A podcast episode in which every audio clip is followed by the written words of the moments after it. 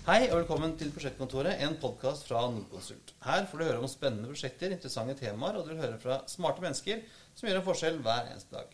Som vanlig hører du meg, Kristian Kamhaug, som skal guide deg gjennom denne episoden. Og i en av Prosjektkontorets første episoder snakket vi om bruer. Men eh, det er jo ikke bare bru som eh, man kan bygge for å krysse en fjord eller eh, komme rundt en elv eller noe sånt noe. Ofte er alternativet tunnel. Eh, så på utallige oppfordringer så har jeg denne gangen, skal vi denne gangen snakke om tunneler. Når vi da skal grave oss ned, eller inn da, i materien tunneler, så er jeg veldig glad for at jeg har fått med meg to av Nordkonsults fremste eksperter på nettopp tunneler. Jon Olav Bjørstad Hei sann. og Elin Morgan. Hei. Elin, kan ikke du fortelle lytterne hvem du er, og hva du gjør? Ja, det gjør jeg gjerne. Det kan jo bli et litt sånn langt svar hvis du vil, da. ja, det er bare. Vi har, vi har god tid. Jeg heter eh, Elin og jobber som avdelingsleder for ingeniørgeologene som er knytta til Sandvika-kontoret. Vi eh, er 22 personer her, men vi har flere ingeniørgeologer eh, i Nordkonsult. Bl.a. i Trondheim og en del andre lokalkontorer rundt omkring. Så eh, jeg har gleden av å jobbe med de 22 som er her. Opprinnelig så er jeg utdanna eh, strukturgeolog ved Universitetet i Oslo. Men alle som har gått på NTNU, vet at det kun er NTNU-ere som får lov til å jobbe med ingeniørgeologi. Så da har jeg fått lov til å ta noe etterutdanning, da. Så da kan jeg også få lov til å kalle meg ingeniørgeolog. Um, det er ganske langt det hva vi gjør, så det spørs jo vil du ha alt det med en gang. Men, da, hva, vi- hva, men nå, snakker, nå skal vi jo snakke om tunneler, da. Ja. Tunneler er jo egentlig bare et høl. Så det, det er jo mye som, som skal til for å ta ut det hullet. Det er jo egentlig det som er jobben vår. Og så eh, er det Jon Olavs sin jobb å putte innmat inni det hullet som vi har tatt ut etterpå. Til sammen så blir det et funksjonelt anlegg, da.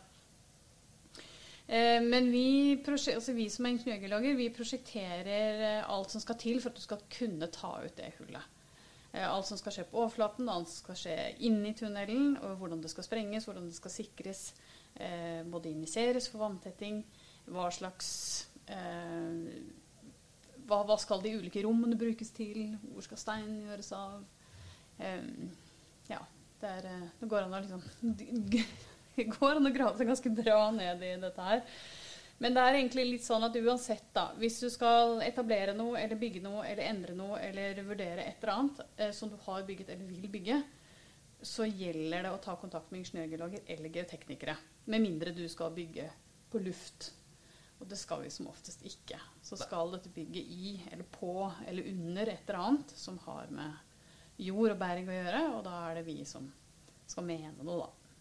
Men Du som er geolog, var du en sånn som gikk og plukket stein når du var liten? Um, jeg trodde på et tidspunkt at jeg skulle bli første kvinnelige hærfører. Jeg har trodd at jeg skulle bli astronaut. Så jeg gikk egentlig ikke noe spesielt og plukka stein. det var helt tilfeldig at jeg ble en geolog. Eh, men jeg har en geolog i familien som eh, har inspirert meg masse. Og som jeg på en måte eh, tenkte på da jeg ruslet gjennom eh, gatene på Blindern, og så datt det ned på en måte en sånn slags Å ja, det stemmer det. Det har hun sagt at kanskje var fornuftig. Og så gikk jeg inn og, og meldte meg opp til to fag, og så har jeg ikke snudd meg siden. Så det er håp for, eh, for folk, selv om de ikke Jeg var en sånn som plukka stein da jeg var liten. Hadde lommene fulle av stein. Ja. Nei, det er mange barn, oss mine, har hatt lommene fulle av stein, og så spør de alltid 'Hva er dette?' Og så sier jeg alltid 'Det er kvarts'. Ja, hva er dette, da? «Eh, Det er kvarts. Og dette, da?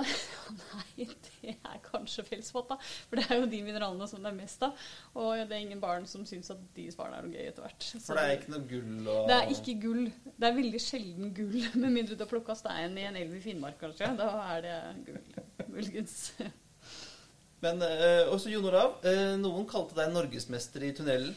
Eh, Det stemmer ikke. Det Noe sånt finnes ikke. Du kom ikke rett fra treningsleir? Nei, eh, langt derifra. Jeg kom fra en eh, møbelfabrikk opprinnelig. Men eh, dere du og plukka stein? Eh, nei, men eh, jeg bygde veier og tunneler i all slags mulige sandunger som kommuner måtte legge fra seg rundt huset hvor vi, eller byggefeltet hvor, vi, hvor jeg vokste opp. da. Og det holdt på med hele tida. Vi vasta og rappa sement på byggeplasser i nærheten for å støpe veiene og, og kle den sandungen. Og så plutselig så kunne kommunen komme og ta et lass, og så var det et helt nytt landskap. Nye muligheter, nye tunneler, nye broer, nye veier. Og, det, og så når vi da var endelig ferdige og skulle egentlig leke, det var det som var point med alle disse her eh, seansene, da. Det orka ikke vi. Det var det å holde på å bygge disse her eh, i den dungen. Det var det som var gøy. Så det var, så det var liksom litt sånn forhåndsbestemt hva du skulle drive med, da? Eh, jeg visste ikke det da, eh, så jeg begynte på fabrikk. Men etterpå så skjønte jeg at det var egentlig det her jeg hadde holdt på med hele tida fra jeg var liten. Og det krydde med kraftverksbygging og veitunnelbygging eh, rundt i den lille fjorden da, hele tida rundt meg. Så, så det, var, det, var, det som var tingen, og det har det vært siden da. Så Elin graver hullet, og du fyller hullet? Er det sånn? Ja, jeg fyller igjen hullet, ja. Med diverse ting og tang. da. Ikke helt igjen nå. ja. Og så eh, er det der pengene havner da ofte, kanskje. Også. Nei, det er vel sikringa som koster, egentlig. Nei, vet du, Det tror jeg er ganske godt fordelt. Det, det koster alt. Alt det her koster. Ja. Og jeg da, som er økonom, jeg må jo alltid spørre eller, hvorfor bygger man en tunnel? Eh, eller hvorfor bygger man bru? Eh, jeg hadde bruingeniører, så sa de liksom at svaret alltid er bru, omtrent. Men eh, hva gjør at man velger en tunnel kontra bru?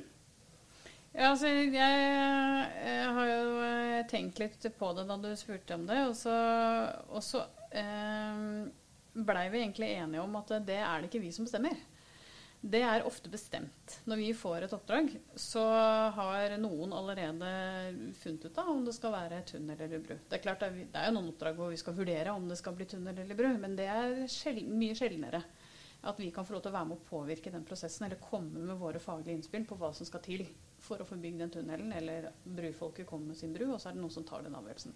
Men det er aldri vi har ikke noe mandat til å bestemme. Så vi får egentlig bare beskjed. Eh, finne ut om det går an å bygge tunnel her, og hva koster det. Og så, så gjør vi på en måte det, da. Eh, men konseptet bru og konseptet tunnel er jo å forkorte eller gjøre det enklere enn transport eller en, et eller annet, to punkter da, som skal kobles mm. sammen. Mm. Om det er biler som skal dit, eller om det er vann som skal dit, eller hva det måtte være. Så er det jo litt sånn at topografien og landskapet bestemmer. Skal du krysse en dal, så kan det jo være praktisk med en bru. Og skal du under et fjell, så er det i hvert fall ikke praktisk med bru. Da kan det være lurt å bore hull. Så kommer det litt an på hvor i terrenget man har lagt denne kall det en veilinje, Hvis vi kaller det en veilinje da, og sier at det er det vi snakker om. Hvis du legger den veldig grunt, høyt oppe i terrenget, så får du skjæringer og mye bru, sånn som de gjør i Sverige. er det mye av det. Mens hvis du legger den sånn som i Norge, så legger vi ofte veien helt klint ned i dalbunnen. Og da blir det lite bru og veldig mye tunnel. Og så alt der imellom, da. Så det verste er egentlig å legge den midt på, hvor du får både tunnel og bru. Da blir det Det koster penger. For det hender jo at du har ja, Sånn, sånn som uh, Danmark-Sverige, Øresund er jo en sånn kombo. Ja, det er veldig mye kombo. Det, det, er veldig mye kombo rundt omkring. Og det, det er klart at det, det, kommer jo an på alle tilstøtende grensebetingelser. Er det en vei, så er det masse andre tilstøtende veier og annen infrastruktur som skal stemme. Er det en krafttunnel, så skal du helst lage det, fra vann og ned til kraftstasjonen, på en mm. måte. Og da, det går jo ikke alltid så godt med bru, men viadukt har du jo brukt da i gamle dager. Romerne var jo gode på det. Romerne brukte bru eller viadukter. At det, akvadukter, faktisk. Ikke viadukter. For viadukt er vel egentlig bru. Ja, akvadukter. Mm. Så det er, det er, ja, det er ikke egentlig vi som bestemmer, men eh, eh jeg tror nok vi er ganske eh, glade i begge deler i det landet her. Eh, jeg har en, en kanadisk kollega som en gang mente at det er så mye tunneler i Norge fordi vi kan. Vi har liksom penger til det, og vi veit hvordan vi skal bygge ganske billig.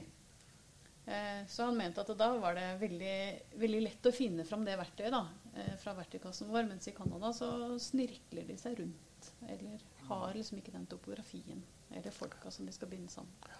Og så er vi jo veldig glad i å bruke terrenget rundt tettsteder og byer og sånne ting for å, for å skjule veien, da. Eller for å hindre at det, at det, blir støy og forurensning på de som bor i området. og sånt da.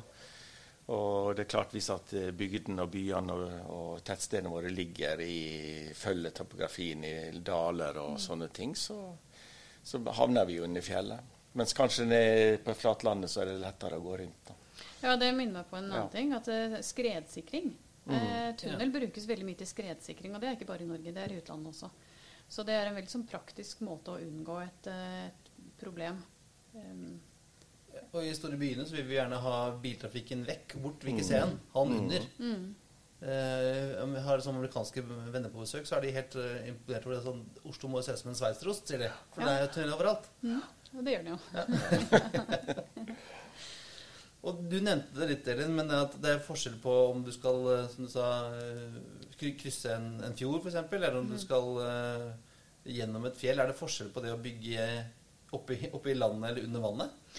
Nei, altså i utgangspunktet Ja, det er forskjell, for det er forskjell i regelverket. Um, og så er det en litt forskjell fordi Altså Mange tenker seg at det er forskjell fordi man vil ikke ha Oslofjorden rennende inn i den tunnelen. Men i det er litt upraktisk. det er veldig upraktisk.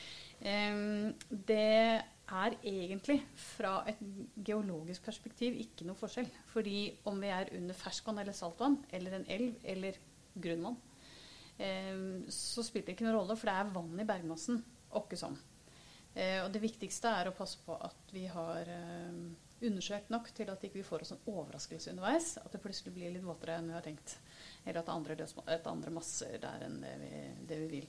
Så fra et sånt rent sånt bygg så, så er det egentlig ikke så Det er ikke noe vesensforskjell på det. Vi må gjøre de undersøkelsene vi gjør. Og ikke sånn.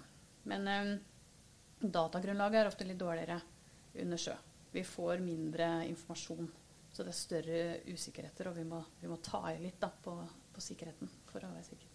Hvorfor er det kanskje litt vanskeligere? Det kommer over til deg. da, Hvordan får du sånn vannet ut? Eh, Ja, da, da er vi tilbake til det som uh, gjør forskjellen. Og I utgangspunktet så ville jeg også svart at det jo spiller ingen rolle om det, om det er over eller under. Eh, Men, uh, og det er jo på den vanlige tunnelkledninga, og sånt, men når det gjelder materialbruken og kvalitetene man bruker, så blir det noen andre utfordringer når vi er under sjøen. Da. Så det er jo vesentlig mer kostbart uh, material du må bruke da, eh, for å montere alt utstyr og sånne ting. da. Og så er det som du sier, eh, for å få ut igjen eh, alt det vannet, så må vi jo til med pumpestasjoner. Eh, og de, eh, en pumpestasjon i en tunnel er jo ganske svær sak med tanke på alt det som skal inn av, av eh, ja, for å drifte den og sånne ting. Eh, og så er det jo alle pumpeledningene. Eh, eller du må gjøre kombinasjon av pumpeledninger på vei oppover og så kanskje noe borer på slutten. Kanskje er det så dypt som at du må ha flere trinn med pumping. Så, så det er klart at eh, da begynner kostnadene å dra på seg, da. Eh, ja. Det glir, da, da ga det meg en sånn lett overgang til mitt neste spørsmål. Som jeg som er økonom, må jo spørre hva, hva koster mest? Bro eller tunnel? Ja, Kan man si noe om det? Det, det, det snakket vi litt om, eh, vi òg, og det tror jeg er eh, Svaret er eh, vet ikke, eller begge deler. Eller ingen av de. For det kommer helt an på prosjektet, Ja. og det kommer an på hva man skal. Hvis man tenker seg at du skal bruke en bru eller en tunnel for å koble sammen to punkter Um, En bru krysser gjerne en forsenkning i terreng. Eh, om det så er med eller uten vann under den forsenkningen. Og en tunnel kan jo for så vidt knytte den samme forsenkningen da over et utrolig mye lengre strekke for å komme seg fra tørt land under hva det nå er fylt med vann, og så opp på andre siden igjen. Um, eller så kan vi bygge en tunnel gjennom, gjennom, uh, gjennom berg. Men uh, jeg vet ikke om jeg kan si at noe er dyrere eller billigere enn noe annet. Altså det, det, er, det, det er ulike eh, verktøy mm. f- for å binde sammen infrastruktur, og det kan liksom ikke si at hammer er bedre enn sag. De, bruk, de brukes jo til ulike ting, sant. Så, Men du har det enklere i driftsfasen. Eh, da, da ser du. Og, og selvfølgelig under bygging. Hvis vi sammenligner opp mot eh, dagsoner, eh, opp mot eh, tunnel slash bru, så, så i hvert fall på tunnel så er det i hvert fall en tre-fire ganger dyrere å bygge en dagsonestrekning. Eh, og når de kommer til å drifte det, så er det tigangen, eh, og sikkert mer. Ja, for brua bare står der. Eh, Nei, nå tenker jeg å sammenligne med en dagsonestrekning. da. Eh, For det, det går ikke an å sammenligne bru og tunnel egentlig på den måten. Men å sammenligne de to opp mot dagsone, da- det er mer fornuftig da. Og, og da er det klart at det er dyre objekter å, å drifte. Og spesielt da tunnel, hvis du har en f.eks. en undersjøisk tunnel. da. Eh, og med en viss lengde. Du skal ha oppe både pumpestasjoner, du skal ha oppe ventilasjon og alt mulig her. Og alt det her skal fungere til enhver tid. da. Så... eh, Så er du ikke tilgjengelig på samme måten heller. Nei, nei, ikke minst det. Så, så det er klart det er en forskjell også mellom tunnel og bro. da, At eh, du slipper ventilasjon og, og, og sånne ting. da, Og rømning. Du, du har tilgang til frisk luft hele tida. Hva, hva koster en tunnel sånn cirka per meter? Ja, altså jeg har bare tall uten kledning. og så er det andre tall med kledning. Men um, ikke så godt å si, for dette det er um, Nei, jeg skjønner at det er litt ja, forskjell Det er veldig sånn derre så, hva, hva koster et hus? Hvor lang er en strikk? Liksom? Det er- strikk? det er litt sånn- Um. Men hvis man tenker seg en, en tunnel av ikke så stor diameter, f.eks. en sånn en vanlig ettløps veitunnel, T8,5, til 9,5 eller noe sånt, uten spesielt mye injeksjon og ikke veldig spesiell tung sikring. Det er liksom ikke noe spesielt med den i det hele Det er tatt. sånn, du, skal lage et, du skal lage et hull gjennom et, gjennom et fjell på en vei på andre siden, liksom? Eh, ja, nå, det kan jo by på en masse trøbbel, men eh, hvis vi sier at det er enkle forhold, da, Ja. så mm, kan vi tenke oss at det ligger på si 100 120 000 kroner per løpemeter. Ferdig sprengt, sikra tunnel. Og med en gang du adderer et annet eh, tverrsnitt eller dobbelt løp, eller injeksjon, eller svakhetssoner, eller eh, injeksjon, eller sånn, så er du oppi eh, tregangeren Ja. per Så- meter. En halv million per meter. Ja, det kan det bli. Og i hvert fall i, i eh, tettbygde strøk eller eh, der hvor vi skal krysse under noe sånn trøbbel, på en måte, så, så går kostnadene opp ganske fort. Mm. Er også sånn helt plain med ferdig innredet uten noe spesielle større problem. Sånn 150 000-200 000 hvis ikke det er noe spesielle problem. Da altså ferdig for, et, for løpmeter. Ja. Så, Men så, som nevnte jo Elin, det der med at du kan jo møte på noe helt annet. Og da, Ja. da drar jo tusenlappene fort av gårde her. Ja, de gjør det. Vi skal jo helst Det er jo det som liksom er eh, Det vakre med prosjektering, da, er at vi skal jo faktisk ha en viss eh, oversikt over hva vi skal kunne påtreffe.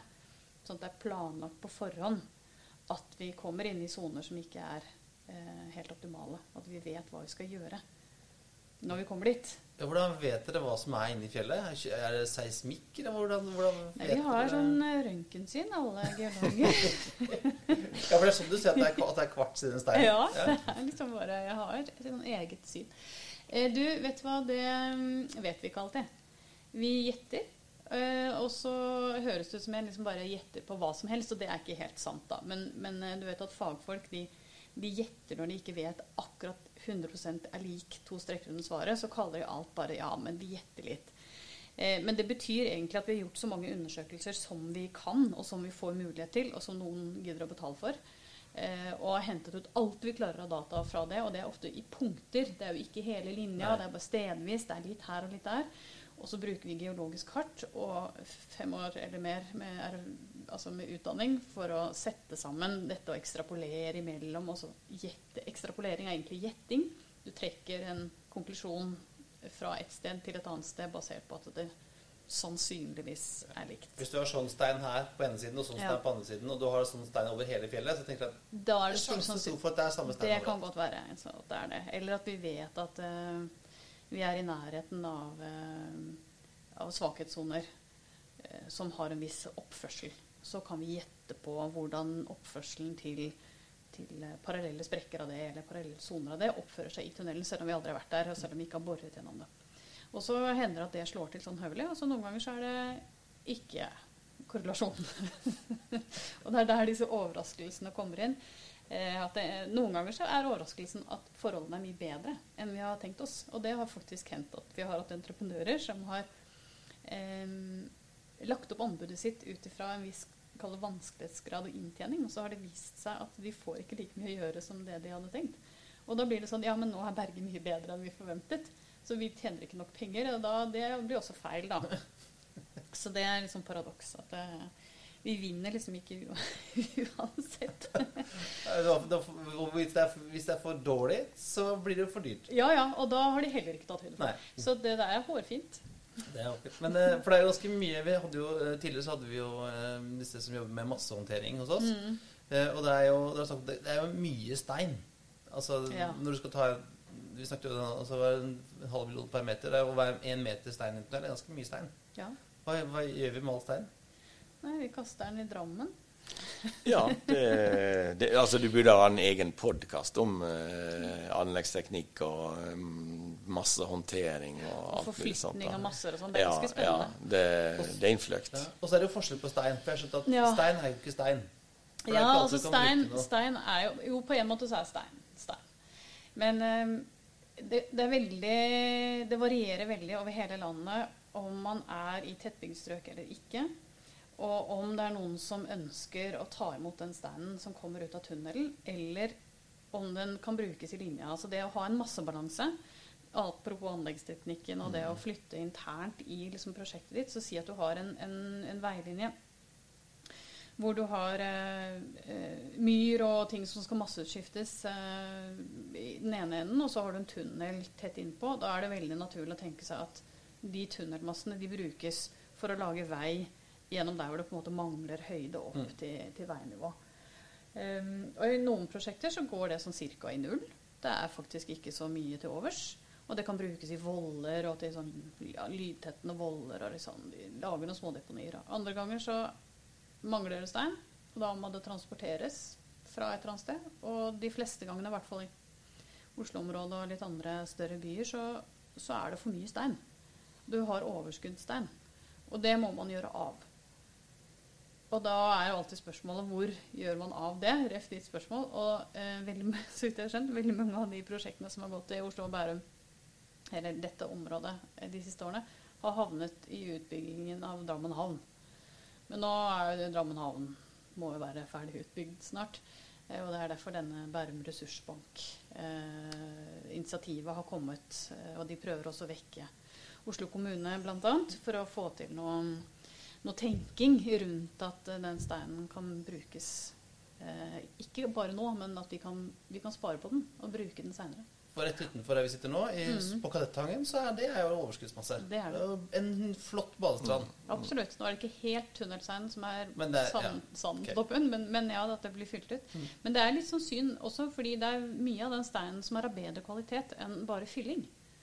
Eh, men det er ikke sånn Man får ikke så godt betalt i prosjektet for å, for å skille det. Og det fins Det er vanskelig med arealer for knuseverk, og det bråker fælt. Og det er en Ingen del vil ha det der hjemme. det er ingen som vil ha et knuseverk ved siden av seg. Altså, du kan jo bygge inn knuseverket, men Så det er en vei å gå der. Bygge inn i en tunnel, da? eller? Ja, ikke sant? Hadde vært like greit. Det er bare å bygge en hall. Mm. Og så En annen variant også er at eh, sånn som det har blitt på disse store prosjektene, nå, så er det plutselig flere millioner med kubikk som skal eh, håndteres på kort, kort tid, relativt kort tid. Så, så det er i motsetning til tidligere, hvor det var, kanskje var noen hundre tusen her, men nå er det plutselig flere millioner på kryr med prosjekter i Norge med de store mengdene. Da. Så det er klart at da blir det veldig problematisk å, å bli kvitt i forhold til eh, at det hadde vært en litt mer håndterbar mengde. Da er det lettere å finne noen som, som vil motta den eh, massen. Da. Og så nevnte Elin også det her med eh, eksempelet med at eh, du har en myr i ene strekningen, så har du en tunnel i andre strekninger. Ja, i andre enden. Eh, så har du plutselig en problemstilling at du kan ikke begynne å sprenge tunnelen fra den enden som er nærmest myra. Kanskje du, det er forhold som gjør at du må begynne fra andre enden. Da får ikke du brukt den steinen til den myra likevel. Hvis ikke du da kjører i lange veier, så er det bebyggelse, og de styrer og stell. Så det så mange, det, det å få den kabalen til å gå opp Det er ikke, finnes ikke noen felles standard nevner på det. det. Det er en unik situasjon hver gang. Det er hver gang. Ja, og alltid problem. Og spesielt nå de siste åra har det blitt et mye større problem pga. de store mengdene som man må håndtere da, på de anleggene over en kort tidsperiode. Du snakket Elin, om at det var sånn, du visste ikke alltid hva som var inni, inni der når dere begynte. Har dere funnet noe- noen overraskelser? Ehm, ja, altså det, det Det hender jo at man Drager eller troll Nei, eller noe sånt? Nei. drager og troll eh, har vi ikke funnet. Ikke grevlinger, eh, og ikke ku og Er det schæfer han har med seg? Han er ku, kua i Knutsen og Ludvigsen. Men det hender jo at um, det hender at forholdene ikke er sånn som er tenkt. Og det hender at bergmassen ikke oppfører seg sånn som vi vil. Og det å få masse vann inn uten at du er forberedt på at det kan skje, det er ganske problematisk. Og det, det at uh, tunneler oversvømmes mens de, mens de drives, det er, uh, det er, dramatisk. Og det koster masse penger og masse forsinkelser. Um, eller at du plutselig ikke har berg der hvor du trodde det skulle være berg, og det er uh, sand som leder opp til fjordbunnen. Det, det, høres upraktisk ut. Det er veldig upraktisk. Um, og da, da, er det litt sånn eh, Da må man dra i, i nødbremsen. Uh, litt sånn panikkartet, og så forte seg å tenke seg om. Så um, nye, de nye reglene og regelverket er egentlig bedre egna for å kunne finne ut av det på forhånd. da, Sånn at overraskelsesmomentet blir litt mindre. Um, men eh, jeg tror ikke vi er ferdig med å få overraskelser. Nei, ikke, ikke, før du får det røntgensynet, da. Nei. det hadde vært ganske digg, egentlig. Datteren min lurte på hvilken superkreft jeg helst ville hatt, eller kraft, og da kanskje det er det jeg skulle Røntgensyn. Ja. ja. Vi på, vi på tunnelinnredning heller har ikke funnet noen spesielle noen rare sære kommet over noen rare sære ting. Men det er én ting som var litt rart og sært en gang. Det var med prosjektforutsetningene, som da var um, ja, det var på Bybanen, byggetrinn 1, eh, hvor vi fikk jobben med å lage det første utkastet til teknisk regelverk for eh, light rails da, her i, for Bybanen. Eh, og, det, og, grunnen til det var at det vi starta med, var et bitte lite hefte fra, eh, fra det der Øst-Tyskland. Laga før jernteppet falt for Tyskland med gjeddforhet. Så så det var litt eh, en sær, eh, sært å begynne på det prosjektet og skulle begynne å designe en tunnel, og så hadde du eneste du hadde, var det heftet. det hender jo at man finner mineraler og lommer, altså det vi kaller drusrom, eh, hvor mineraler har vokst. Men eh, det er ikke så ofte. Nei, det, er noe, det, er ikke noe, gull å finne i tunneler? Det er helt sikkert noen som har funnet noen drivverdige forekomster av uh, mineraler også. Men det er litt sånn dumt, fordi um, uttak av uh, bergmasse til tunnel det er ikke underlagt mineralressursloven på samme måte som de som driver gruver er. Så det blir faktisk ikke registrert. Så det kan faktisk at det hende at du hiver gull på fjorden hvis det hadde vært der. Da. For det er ingen som Eller om en eller annen entreprenør plutselig gjort, gjort et veldig, veldig, godt resultat med, med håndteringen av massene sine. Ja, ikke sant? Det, har, har, dere jobbet med noen sånne helt ekstreme prosjekter som har vært sånn veldig utfordrende å, å jobbe med? Nei, vi, vi snakker litt om det også. og det, det er klart at det, Alle prosjekter er jo veldig spesielle, og de har sin egen De er liksom særegne. Um, og for vår del, som driver med, med bergmassen, så, så, er det relativt forutsigbart i Norge. Men det fins jo tunnelprosjekter som både drives i høyseismikkområder, altså jordskjelvutsatte områder. Eh, eller det kan være spesielt høye temperaturer. Eller det kan være gasser i berget som, som er eh, eksplosive, f.eks.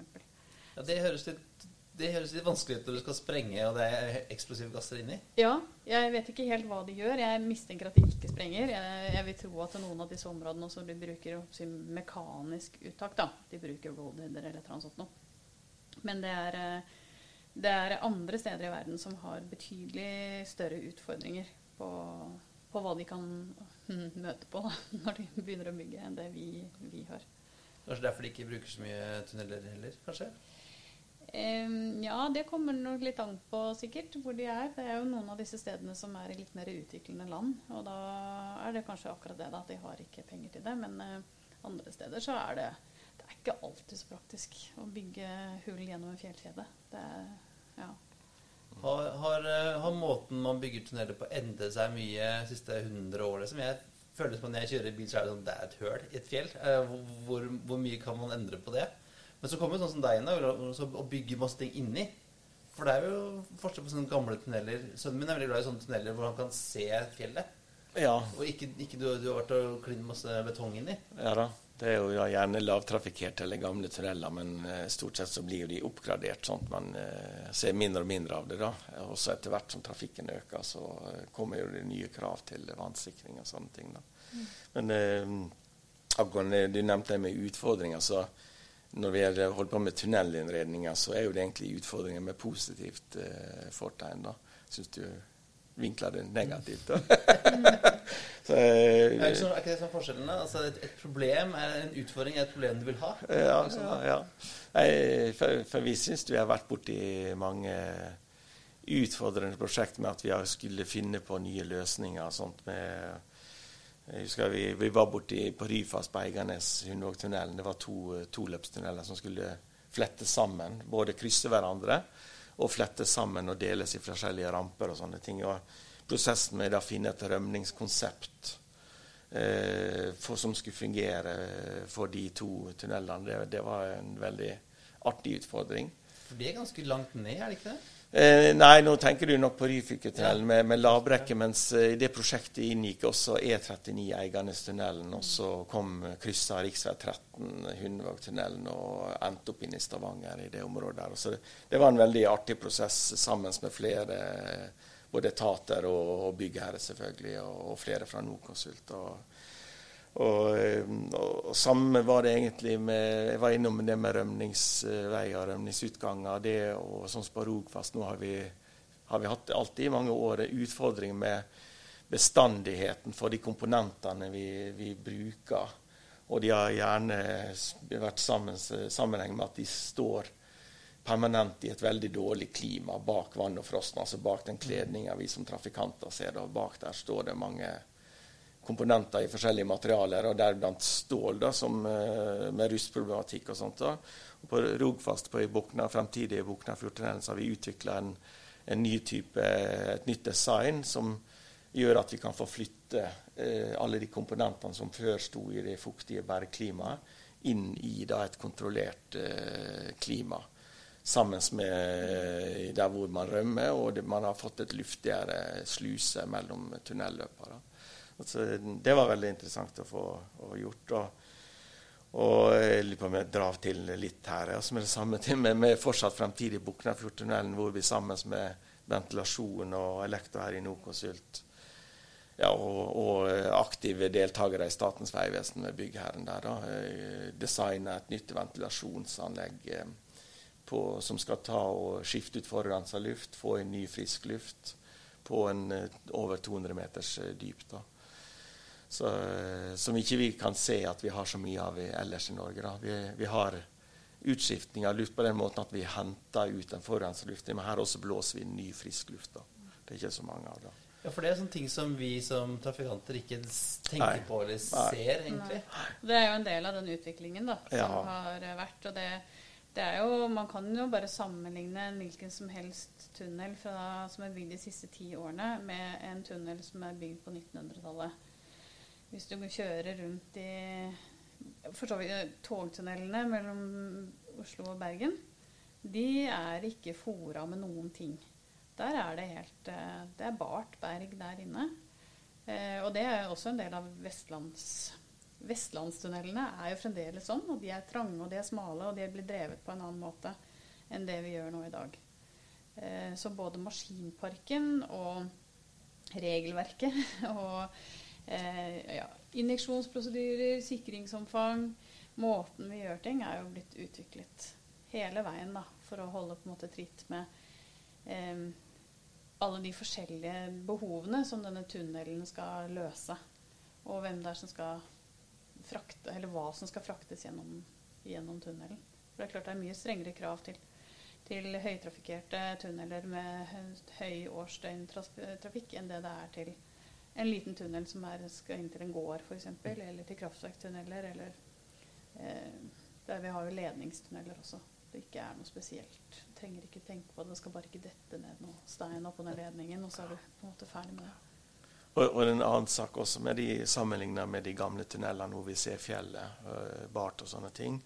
Eh, det har jo blitt tilført eh, forskjellige innredninger opp gjennom åra. Uh, men nå de siste siste, ja, siste 20-30 åra har det veldig fokus på, på, at innredninga som vi da kler tunnelen ikke skal være trafikkfarlig. Det er kjent brennende og sånn. Eh, Ja, ja, det er jo den biten, men bare at ikke den fysiske utforminga der det, Vi har jo hatt store trafikkulykker i utlandet hvor, eh, hvor kjøre, ja, for så vidt i Norge også, hvor kjøretøy har, har kjørt inn i bytte, enda, utstikkende enda, sånne ting. Eh, og Det er veldig fokus på å prøve å spotte de når vi prosjekterer. Hvor er det det kan være trafikkfarlig? Og håndboka sier jo også at vi skal, eh, ikke skal bygge det sånn, men, men likevel så, så kan jo sånne ting glippe. Da. Men det, har, det å ha stort fokus på alt det som kan komme til å skje, da, og prøve bare å lage passive, gode løsninger som gjør at ikke det oppstår. Da. Eh, Samme er det oppi det som henger oppi, henger oppi taket av store, tunge ting. Eh, før så bare. Nei, før så gjorde man bare at eh, nei, det her er, det er bra nok. Det, det her. Og så ble jo attpåtil det ført inn i håndbøkene til Vegvesenet. Eh, mens det er jo nå begynt å bli fjerna, at nå er det krav om at eh, alt det vi henger opp, det skal beregnes. Så vi på tunnelavdelinga, som jeg hører til, Eh, vi, vi bruker veldig mye analyseavdelinger her i Nordkonsult til å gjøre statiske beregninger av alt det vi skal henge opp, eller har et ønske om å få hengt opp. da, eh, og sånne ting. Så, så det er en helt annen hverdag også der, da, eh, med tanke på eh, hva vi kjører inn i, og det man oppfatter som en sikker tunnel. er ikke alt det som eh, var bygd for 20-30 år siden, som egentlig eh, hadde tålt disse beregningene vi gjør nå. da. Nei, men det er fint at beregningene nesten aldri klarer å gjenskape det som Ja. faktisk finnes i naturen. Fordi Ja. du klarer aldri Du Nei. kan stå og se på ting som er- står Ja. og er stabilt, og så når du regner på det, så detter det ned. Ja, og det er du gjerne, ser jo at det gjør jo ja. ikke det. Nei, og det er gjerne utmatting, uh, utmatting du går på, som man ikke tok hensyn til tidligere. Altså, ting henger der, men det der utmattinga over så mange år som det skal stå. Og så blir man jo også berga med at eh, tunnelene skal oppgraderes. Det blir ikke stående i mer enn x antall tiår, og så er det ned og opp med noe nytt. Når jeg snakket med bruingeniørene, så lærte jeg at det finnes masse forskjellige typer bru. Fins det forskjellige typer tunnel? Ja, eller høl er høl, eller Ja, ja. Altså for, for vår del, så eh, fra det bergtekniske standpunktet, så er det på en måte et hull. Den skal ha en dimensjon som er tilpasset eh, det som skal inn, eh, og kledningen og alt mulig sånn, men hullet er egentlig det, det er egentlig det samme. Det er samme som hvis vi skal ha en byggegrop. Det spiller ikke noen rolle om du putter et svømmebasseng eller en skole eller en bygning eller et tårn oppi der. Det er ikke For oss så, så er det ikke så For oss er det ikke så nøye. Da blir det verre for oss. Ja, det er det. Så der er jo det, ja, Er det en sånn standard veitunnel, så må man jo ta stilling til om det er en lavtrafikkert eller høytrafikkert, for det er totalt vidt forskjellige måter å innrede den på. da. Det er jo det vi ser også når vi kjører rundt omkring. eh, når eh, Du nevnte det med at de likte å se fjell og sånne ting. Da. Det er jo sånn vi da vil kunne se på også nye tunneler som er lavtrafikkerte. Og om det, er, om det skal gå biler eller tog der? Eh, Ja, da, og det er jo da neste punkt. En jernbanetunnel eh, vil jo ha en helt annen type innredning. Eh, nå er jo det sånn fatt at der ser ikke vi så mye når vi sitter i vinduet. da. Vi er den dobbeltspora enløpstunnel, så, så har, ser vi lite grann. Men har du i et trangt høl, så ser man jo veldig lite, da. Eh, og så har vi jo selvfølgelig eh, rømningstunneler, adkomsttunneler, tverslag. De er jo stort sett eh, bare et hull også med noe vannsikring, og så er det få på plass et veilegeme. Men utover det så er det veldig lite. Eh, og så var du så vidt innom det med kraftverk og vanntunneler. Da har jo du også varianter av hvilken type vann, om det er drikkevann eller om, Ja. det, om det er for kraftproduksjon og sånne ting. Men fortsatt bare et høl igjen. Ja, altså det er jo egentlig det. Og så er det litt sånn hva gjør du med det hullet? Ja. Du har vel noe fòring av og til. Noen ganger er det fòring av nav, noen ganger er det råsprengt. Ja, absolutt. Og det, Ja. det kommer an på ytre faktorer. Vil du at det skal renne vann inn der, eller er det trykk i den tunnelen for stor i forhold til bergmassens kapasitet til å tåle det trykket? Da presses det vann ut, og det vil du heller ikke ha. Så, så vann på avveie, det ønsker vi ikke noe, noe særlig av. Eh, Jeg er jo egentlig ganske glad i den der, eh, utskjelte Oslofjordtunnelen, som jeg tar ganske ofte. Eh, Mest fordi at eh, midtveis så treffer jeg grevlingen eh, til Knut Ludvigsen. Men hvor, hvor viktig er eh, utsmykking i sånne tunneler? Ja, altså, det jo, jeg syns jo stein er fint, jeg da. Men jeg skjønner jo det at ikke det er så Det er ikke så fint for alle andre. Og det, det gir ikke en god kjøreopplevelse å kjøre i en del av disse eldre vestlandstunnelene eller en del av de tunnelene nordpå. Det, det er ikke noe at du sitter Jeg sitter jo og stirrer opp og ut av bilvinduet og ser på sikringen og ser på steinen. Ja, for du er litt sånn Jeg er skada. Ja, ja. så, så, så, så jeg gjør det. Men jeg forstår veldig godt at, at de som skal gjennom eh, en tunnel, vil, vil ha så lite forstyrrelser som mulig, og det skal gi en god kjøreopplevelse. Så Vegvesenet er jo veldig opptatt av den kjøreopplevelsen. Og utsmykking i tunnelen personlig syns jeg er kjempefint. Lærdalstunnelen er helt utrolig lang. Og hadde det ikke vært for de derre avbruddene der sånn, så Og den er helt rett i tillegg. altså Det er en helt umulig tunnel der som kjører sånt amerikansk ørkenlandskap. Og jeg tenker at det der Jeg skjønner jo at folk sovner og kjører av veien. Ja da, og det, og det er jo, du, du brukte ordet utsmykning. Det er jo, det er jo ikke det. Det, det vi innreder tunnel med, ikke, ikke, har ikke noen former for å utsmykke det. Det har en, en, et formål. Eh, og og det er jo sånn eh, Du var så vidt innom Elin, det med lange tunneler. og og det, det er ikke tilfeldig at de her, eh, disse tre lokasjonene i Lærdalsølen er der. Det er jo pga. at man har eh, forska på det med monotonidempen, eller for monotoni og sånne ting. Hva slags effekt det kan få da. Og, og Sintef har jo vært eh, aktiv der, da. Og, og vi har jo også tatt med oss det de gjorde på Lærdal over i disse to siste nye lange tunnelene Nokonsult har vært med på, som er Ryfylketunnelen. Og nå den som kommer snart, som er Buknafjordtunnelen på Rogfast. Eh, og vi har da utvikla sammen med en kunstner eh, og eh, NOKOS sine avdelinger på elektro og sånne ting, så har vi utvikla konsepter, eh, et eget nytt konsept i Ryfylketunnelen. Eh, og vi har eh, en ny, nytt design eh, på Rogfast. Eh, Og alle disse her er da som hensikt for å eh, hindre at, eh, at folk skal sovne bak rattet, eller hva det måtte være for noe. Det er en sånn balanse mellom det å ha noe å se på så ikke du sovner, og det å ikke bli forstyrret av det du ser. Mm. Og det er jo helt umulig, jeg tro, fordi eh, det er jo ganske monotont å sitte inn i i hvert fall de moderne tunnelene som er betongkledt. Det skjer ikke noen ting.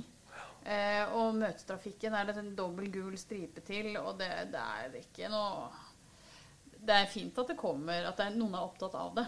De er mye Ja. flinkere på bru faktisk til å lyssette bru, nye bruer. Nye Sotrabrua som, som vi veldig, akkurat veldig eh, har uh, vunnet nå. Det blir veldig spennende å se hvordan du kan få en så stor konstruksjon til å bli lekker i landskapet. Og i tunnel så klarer vi ikke det. Det blir aldri helt lekkert. Eh, men det kan gjøres mye både for den kjøreopplevelsen og også prøve å pynte litt med noe lys eller med noe ja, Om det er noen former Ja. eller figurer eller ut, hvordan geometrien ser ut. da, Kanskje det er noe effekt Og der. du var så innvittig innom lyssatte broer og sånt. Det, det gir jo en identitet, et bilde som går an når man googler den broa.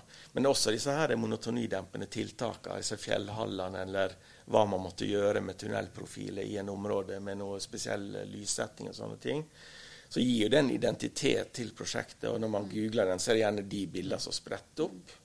Og det er kanskje noe av det man da etterpå kan huske fra prosjektet også. Jeg Er kanskje for så vidt stolt av de som bor i nærheten Ja. også, at de bor i nærheten av sånn og sånn. Og så eh, trenger ikke det bare være tiltak i lange tunneler, sånn som eh, var tunnelen som vi var innom i sted. Så har vi jo gjort tiltak eh, Det er mange av- og på-ramper.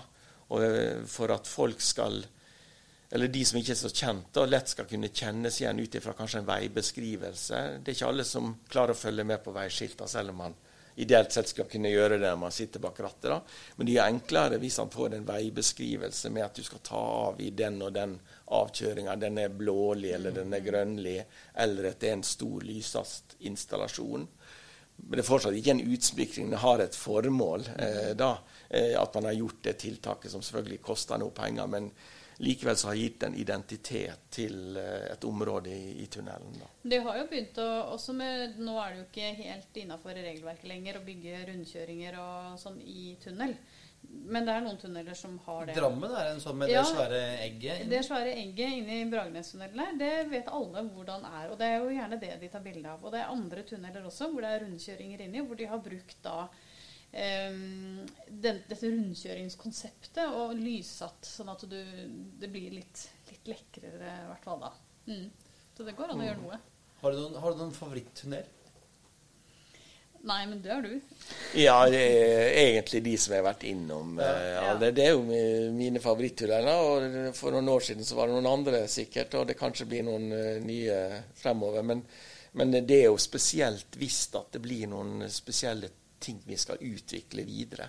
Da er det noe du husker til ettertid og syns at det var veldig morsomt og spennende og sånne ting. Kanskje også samarbeidsformen som man har på noen prosjekt. Selv om kanskje tunnelen er ganske kjedelig, men kanskje en annen måte å samarbeide med byggherre, entreprenører og leverandører. Det også gjør at man husker enkelttunneler. da. Tenk som det- tenk som du reiser rundt på tur i, i Sveits for å se på tunneler, liksom. Det er ikke sånn? Eh, nei, det holder med å reise til Norge. Ja. Nei, kan heller reise til Middelhavet. Det er jo noen spektakulære tunneler uh, rundt omkring. Og det, de, de fyller alle på en måte ett formål. Uh, og det er jo å knytte de to delene utenfor uh, sammen. Um, bortsett fra Vi snakket om spiralen i Drammen. Det er jo egentlig, så vidt jeg vet, et sånt masseunderskuddsproblematikk eh, for et prosjekt i Drammen hvor de trengte masser, og så bygde de da denne spiralen. For det er den som kjører, kjører oppover i fjellet til en topp. Opp til en topp som jeg ikke tror det er noe spesielt der. Og jeg husker den fra da vi var barn. Da var vi på utflukt og skulle kjøre denne spiralen, og ble jo svimmel av mindre. Men den, så vidt jeg vet, er tatt ut eh, av helt sånn praktiske hensyn. Ikke fordi du skal knytte sammen to punkter, men fordi at du faktisk trengte massene inni. da. Og, ja, eh, og jeg, vi, jo, vi nevnte liksom Knutson Ludvigsen, mine barndomshelter i stad, eh, og, og, og, og grevlinger. Men de bodde jo i en tunnel. Mm. Kan man bo i en tunnel? Så Kan du mye å putte inn der? Ja, da må du, eh, må du innrede et eller annet og få inn i gang et klimaanlegg, og så må du ha strøm. det, nei, jeg vil ikke anbefale å bare bo sånn. Ja, nei, altså jeg tenker at det lar seg helt sikkert gjøre. Eh, men en tunnel er ganske rå. Det er ganske rått i en, en tunnel, og snittemperaturen Hvis du kommer utenfor frostsonene, på en måte, så er det sju grader i Norge. Så du trenger jo litt mer enn du trenger jo litt mer enn å bare gå inn i en nedlagt jernbanetunnel og tenke 'her skal jeg bo'. Det, det, er litt, det tror jeg blir litt sånn stusslig da. Da må, da må man ringe Jon Olav. eh, Ja, det kan, vi kan være med og innrede den. Ikke noe problem. Og så er det noe med dette dagslyset, da, som de fleste mennesker altså Med mindre vi skal bli sånn øyeløse, fargeløse, gjennomsiktige mennesker som bor under jord, sånn som sånne krepsdyr yeah. og sånn i grotter. Men eh, altså, det er jo fullt mulig. Det er jo et byggverk. Mennesker har jo bodd i huler og, og ja, alle slags sånn caverns eh, opp igjennom, og gjør jo det fremdeles. I Marokko så har de jo halve huset inni fjellveggen, egentlig praktiske hensyn. Om det er plassen eller om det er varmen, er jeg litt usikker på. Men eh, det er eh, det er kanskje bedre i sydlige trakter enn i kalde Norge. Ja. Fuktige Norge. Jeg tenker at eh, det er kanskje fukten som er eh, Ja. Kulden er nå én ting, men det at det er så rått. Ja. eh, ikke, det er ikke så. Kan man, bruke det til noe annet? Altså, for det hender jo at man legger ned eh, jernbanestrekninger eller flytter veier, og så, Mm. så ligger det en tunnel der. Og det, kan man bruke den til noe? Ja, vi har mange eksempler på, på sånne. Eh, og det er jo spesielt det du var innom togtunneler. Her er jo de gamle, fine traseene som ligger fint i terrenget. Kanskje så det en gang brått og brutalt ut, men ting har jo grodd igjen, og det ser, ser fint ut. Så det er jo flere eksempler på hvor de er tatt i bruk som eh, turistvennlige eh, sykkelveier og sånne ting. Det er jo ikke for å sykle til og fra jobben, det er jo for å ha fine opplevelser ute i naturen. da. Men eh, det er jo sånn eh, et lite ankepunkt med det at det er jo gjerne kommunene som overtar disse her eh, høye fjellskjæringer og gamle jernbanetunneler. Og det er jo da kommunene som står ansvarlig for å drifte de. Dvs. Si at de må gjøre sikringstiltak opp gjennom åra og sånne ting. Så jeg, jeg vet at det, iallfall i den kommunen som jeg bor, så er det en stor diskusjon om de vil ta over den uh, gamle jernbanetraseen for å ta på seg det kostnadsansvaret da fremover til evig tid. Men det går an å bygge lager i det der? Altså alle sånne Datasentre, kanskje? Datasenter, lager. Mm. hele frølageret på Svalbard er jo ikke en tunnel. En tunnel har jo hull i begge ender, men da, da kaller vi det fjellhall eller en stål eller noe sånt. Men et, i et underjordsanlegg, da. Så det, er, så det er forskjellen. Hvis du, hvis du bare graver hin, så er det En stål. Ja, Og hvis du da får hull på andre sida, da er det tunnel? Mm. Okay. Ja. Og en sjakt er jo da en, eh, en stående stål, eller en vertikal stål. Og hvis du da klarer å få den helt gjennom, så får, da blir det tunnel? Da blir det tunnel. Ja, det vet jeg ikke helt. Ja, da er det fortsatt sjakt i mine ord. ja. har vi en sjakt. ja, har vi en sjakt. Ofte så er jo sjakten kobla til noe nederst, da. Så det er jo kanskje hull i begge ender. Der er jo definisjonen sagt. Men jeg har vært i Jeg var på ferie i England her for noen år siden, og da var vi innom, et, da var vi innom cheddar. Og da kan du tenke deg hva de lager i cheddar. Og all eh, modningen av cheddarost fra cheddar foregår i gruver.